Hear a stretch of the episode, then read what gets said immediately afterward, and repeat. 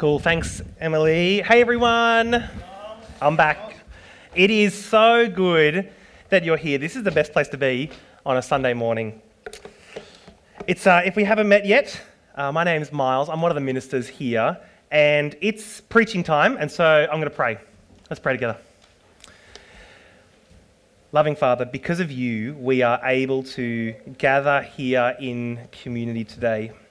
And because of you, we have a real joy and hope and meaning through the Lord Jesus. And so, thank you.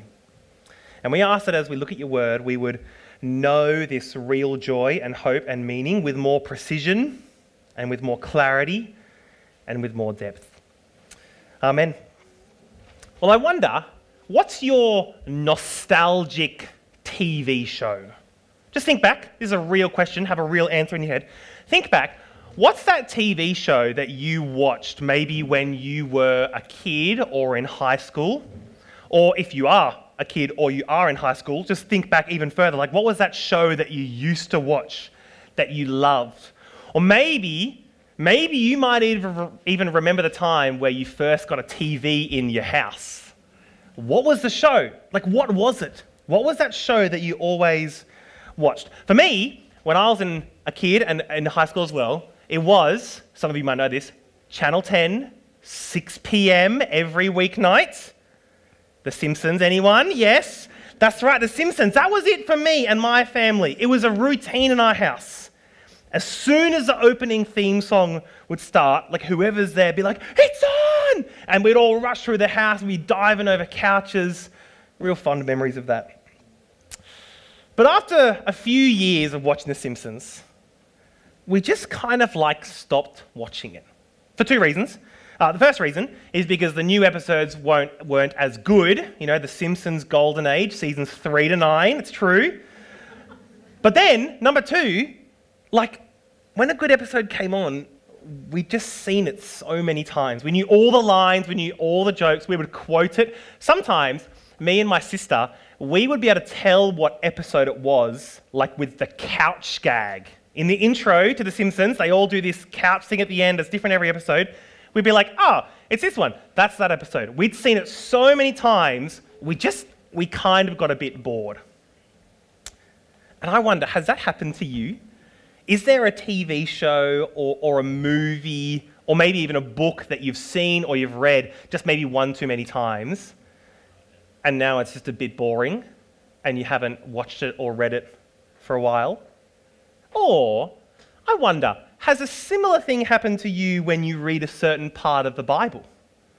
You know, it's a good part, yeah, but man, I've read it one too many times, I know what it means, and now it's just a little bit boring. Maybe you felt like that when Emily was reading out that passage on salt and light. You know, I've heard this before. I know what it means. Maybe this one will be a bit boring. Maybe I'll just tune out. Well, a few years ago, Morgan and I were hanging out. We went to JB Hi Fi and we saw they had a sale on The Simpsons. 15 bucks for a season. Amazing. And, uh, and so we bought seasons three to nine, the golden age, of course. And we watched them all. And what a joy. What a joy to rediscover them. What a joy to watch them when I was older and I could like understand all the jokes a bit better, get all the references that I didn't get when I was younger. It was so good for us to come back to The Simpsons with a fresh look, even though I'd seen them all before. And so, how much more is that true with God's Word? It's good for us to spend time in any part of God's word, even those parts that might seem familiar to us. Because God's word is deep and profound and complicated and magnificent. And, and wherever we're at with Jesus, whatever we think about Jesus, I'm confident that any part of God's word, there's more to consider, there's more to process, and there's more to respond to. And so, what we're going to do is we're going to look at that passage that was read out. We're going to look at salt and light with a fresh desire, even if we've heard it before. Let's do it. There's two main things that Jesus teaches in this passage you are the salt of the earth, and you are the light of the world. Let's just ask some questions to get some clarity on what's going on. First question about the first word in each statement. Who is you? Who is this about? Well, if you have your Bible open, you'll be able to see the answer for yourself because you can look up or scroll up to the previous verses. We're here in the Sermon on the Mount, and Jesus starts in chapter 5, verse 3. And it's in that first section we find the answer. You is the person described in verses 3 to 12. That's who you is. And, and who's that? Well, it's the person who has the kingdom of heaven. That's who verses 3 to 12 is about. The person who has the kingdom of heaven. You can see that language in verse 3 and verse 10, the first and last beatitude. If you were here a few weeks ago, you might remember this is called an inclusio. Remember that? Or it's the bread of the zinger burger. That's what's going on. This is the person who has the kingdom of heaven. That's who Jesus is talking about. And so, who's that? We're almost there. One more step. Here it is. Who has the kingdom of heaven? Well, it's Christians. We do. If you're a Christian, if you follow Jesus and trust Him to forgive your sin, then God has adopted you into His kingdom. You have His kingdom. And so then, you are the salt of the earth, you are the light of the world. Who is you? Well, it's you. If you follow Jesus, it's every Christian, it's any Christian. Now, notice what it doesn't say. The verse doesn't say, ministers are the salt of the earth. It doesn't say parents are the light of the world. The confident, the articulate, the healthy, the young, the wise are the light of the world. Doesn't say that. It says you. And so if you're a Christian, this, whatever Jesus is about to say, is about you. It's for you. So that's the first question. Who is you? The answer is every Christian. That's good. That's the first word. Let's look at the second word. The second word, you are, A R E. You are the salt of the earth. You are the light of the world. Now, just a short point here. Again, just notice what it doesn't say. Jesus doesn't say, you should be the salt of the earth. He doesn't say, you might be the light of the world. He doesn't say, please, would you consider being the salt of the earth? He doesn't say, he doesn't even say, you will be the light of the world. He says, you are. Whatever Jesus is about to say is for every Christian right now. It's who we are. What he's going to say is mandatory, it's necessary, it isn't an optional extra. You are. And so if you follow Jesus, then whatever he's about to say is for you now. It's not just for the person sitting next to you, it's not for the person on the stage, it's not for the future, it's not a possibility, it's not an option, it's now. Jesus says, You are. And so, what are we? Well, you are the salt of the earth, you are the light of the world. Let's look at each one. We'll start with light because understanding the light will help us to understand the salt. Question this is a real question for someone to actually tell the answer to. It, think about where is the first time in the Bible that we see the word light? Anyone? Genesis chapter 1, verse. Have a guess. Three. Yes, three. Genesis chapter 1, verse 3. Great job, whoever said that. That's right. Genesis chapter 1, verse 3, right at the start of the Bible. In chapter 1, verse 1, God creates the heavens and the earth. Verse 2, the earth is dark, there's darkness. And verse 3, God's like, that's not right. Let there be light. And there was. And so, right at the start of the Bible, we meet these ideas of darkness and light. And they're opposites. Light opposes darkness, light fills darkness. And these ideas continue through the whole Bible. Not, not long after God makes the light and makes everything, uh, things fall apart pretty quick because Adam and Eve reject God. And so Adam and Eve and all of humanity after them are described as living in darkness, living in blindness. But despite this darkness and blindness, throughout the whole Bible, there's also this constant hope, this constant light as well. Let me, let me show you that's true. Here's one example from the Old Testament. It's Isaiah chapter 9, verse 2. You don't need to turn there, just listen, I'll read it. Just listen for darkness and light. Here it is. The people walking in darkness have seen a great light. On those living in the land of deep darkness, a light has dawned. Darkness and light. Here's one example from the New Testament. Again, you don't need to turn there, just listen. Ephesians 5, verse 8. For you, for Christians, for you were once darkness. Isn't that interesting? It doesn't say you were once in darkness. He says you were once darkness. But now you are light in the Lord. Darkness and light. We see it throughout the whole Bible. There's so many more examples. And here's what's going on people are living in darkness, in spiritual darkness. They're blind. And they don't even know it. They're like fumbling in the dark and tripping over stuff and grasping for direction and hope. And they don't even know it until the light is turned on. Until light streams into the room and lights up the darkness, fills the darkness. And that light is the gospel of Jesus, the good news about Jesus, the good news about sins forgiven through grace alone.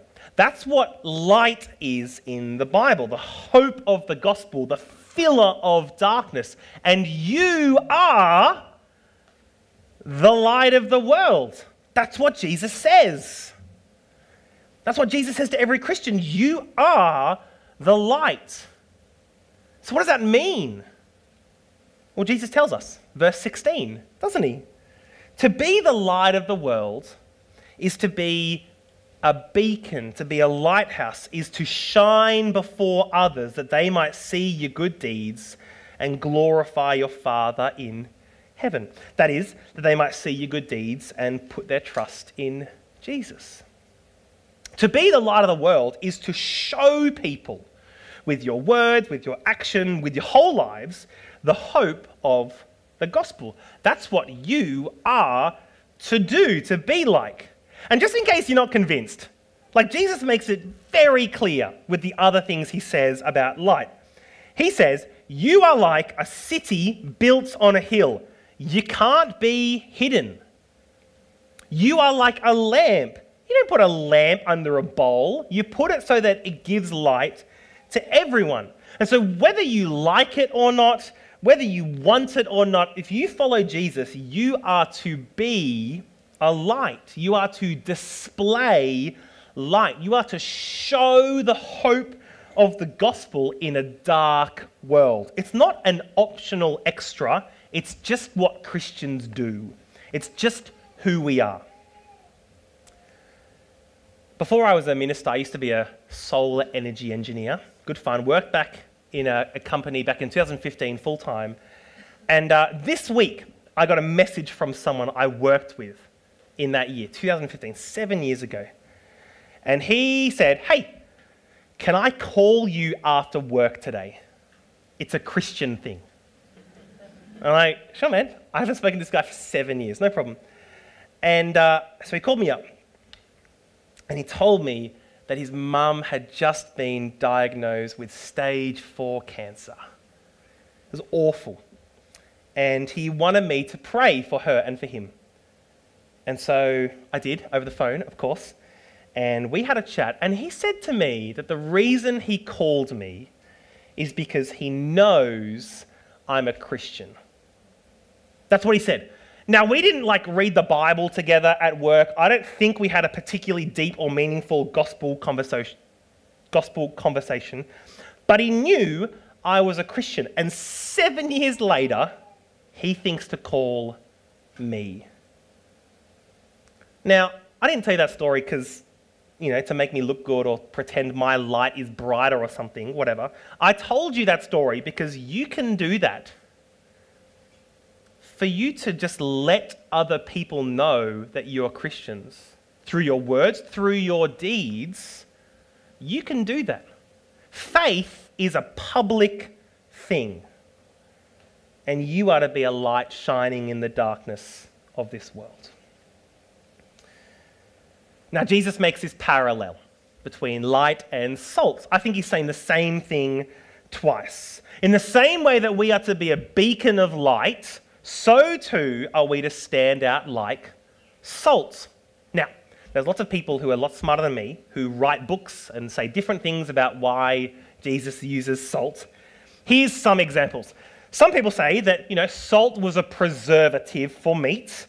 And so, in the same way that salt slows down decay, so too are Christians to, to kind of work against moral decay in our world.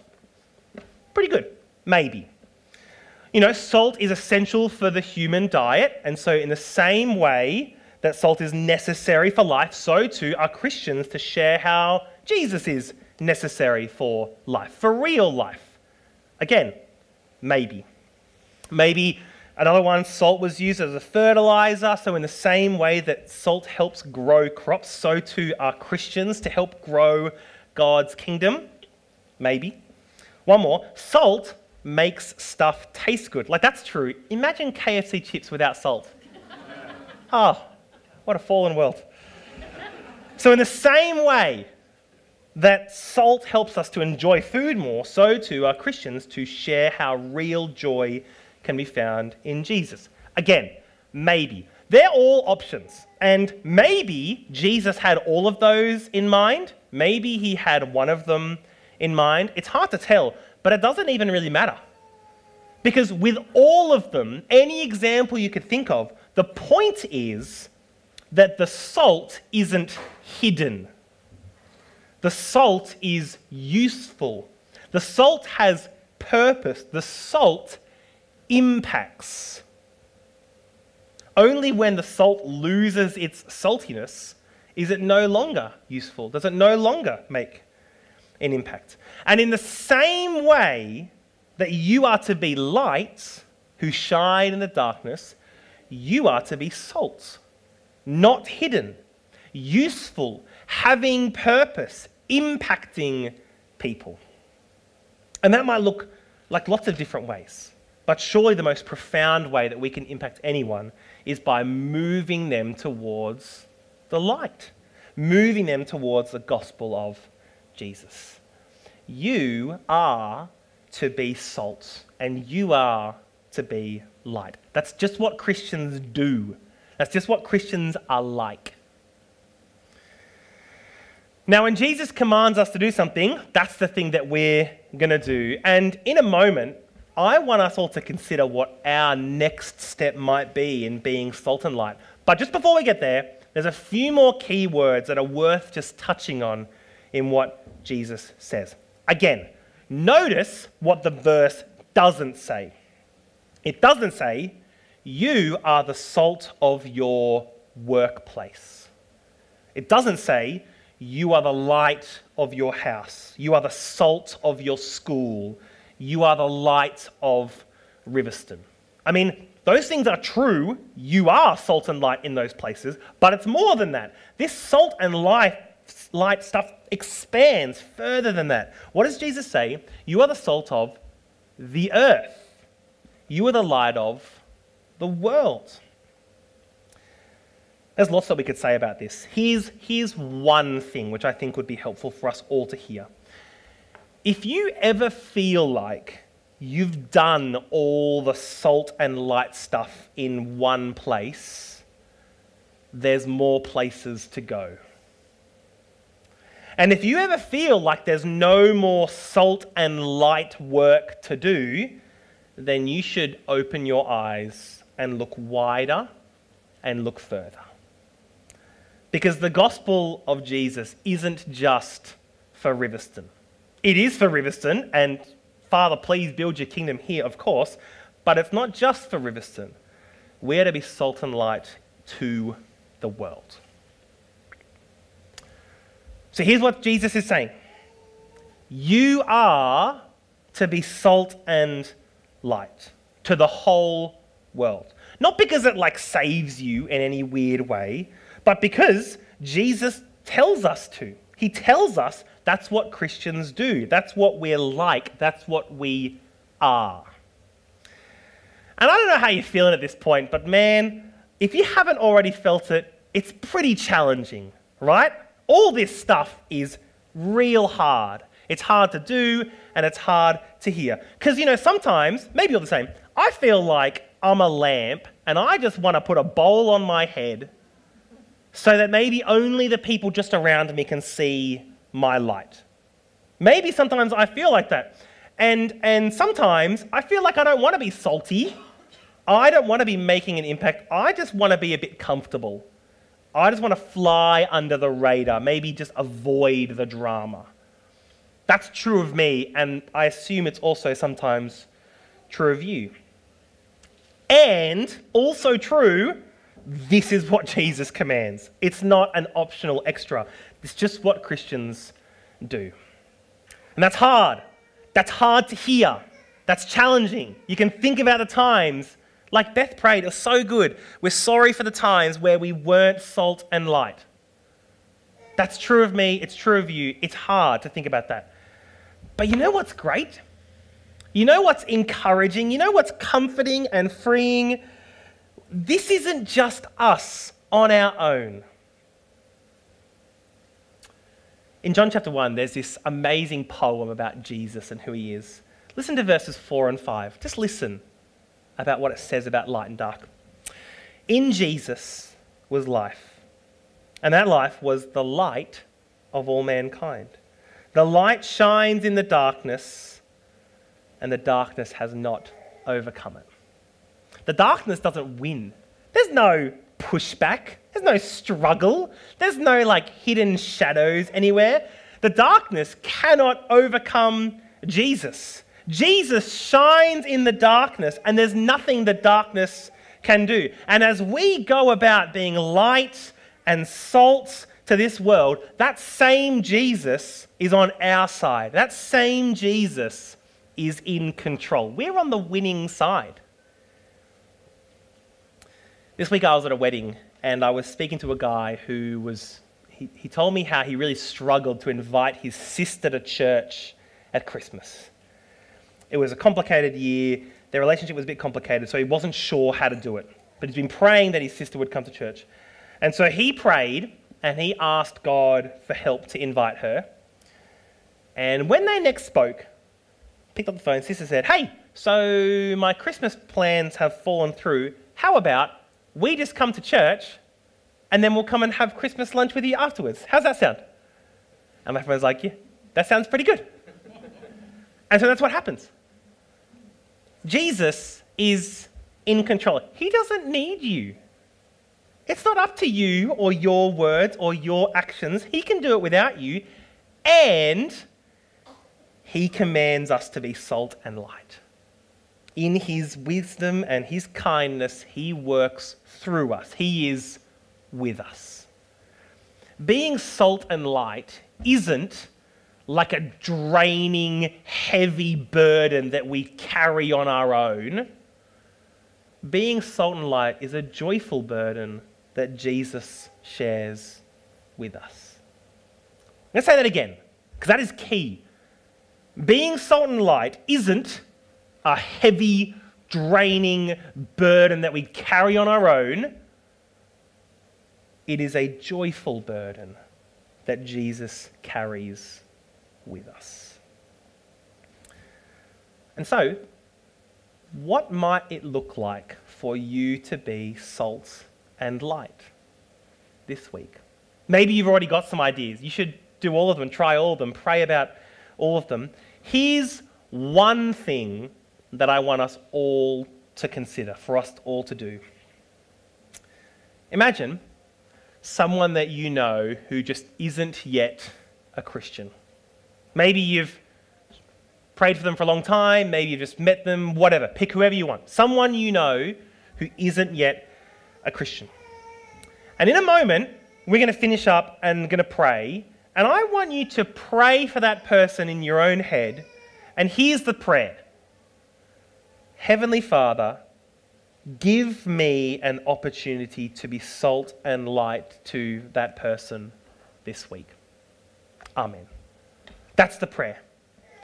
And maybe God will say yes, and you will have a chance to hang out with that person this week.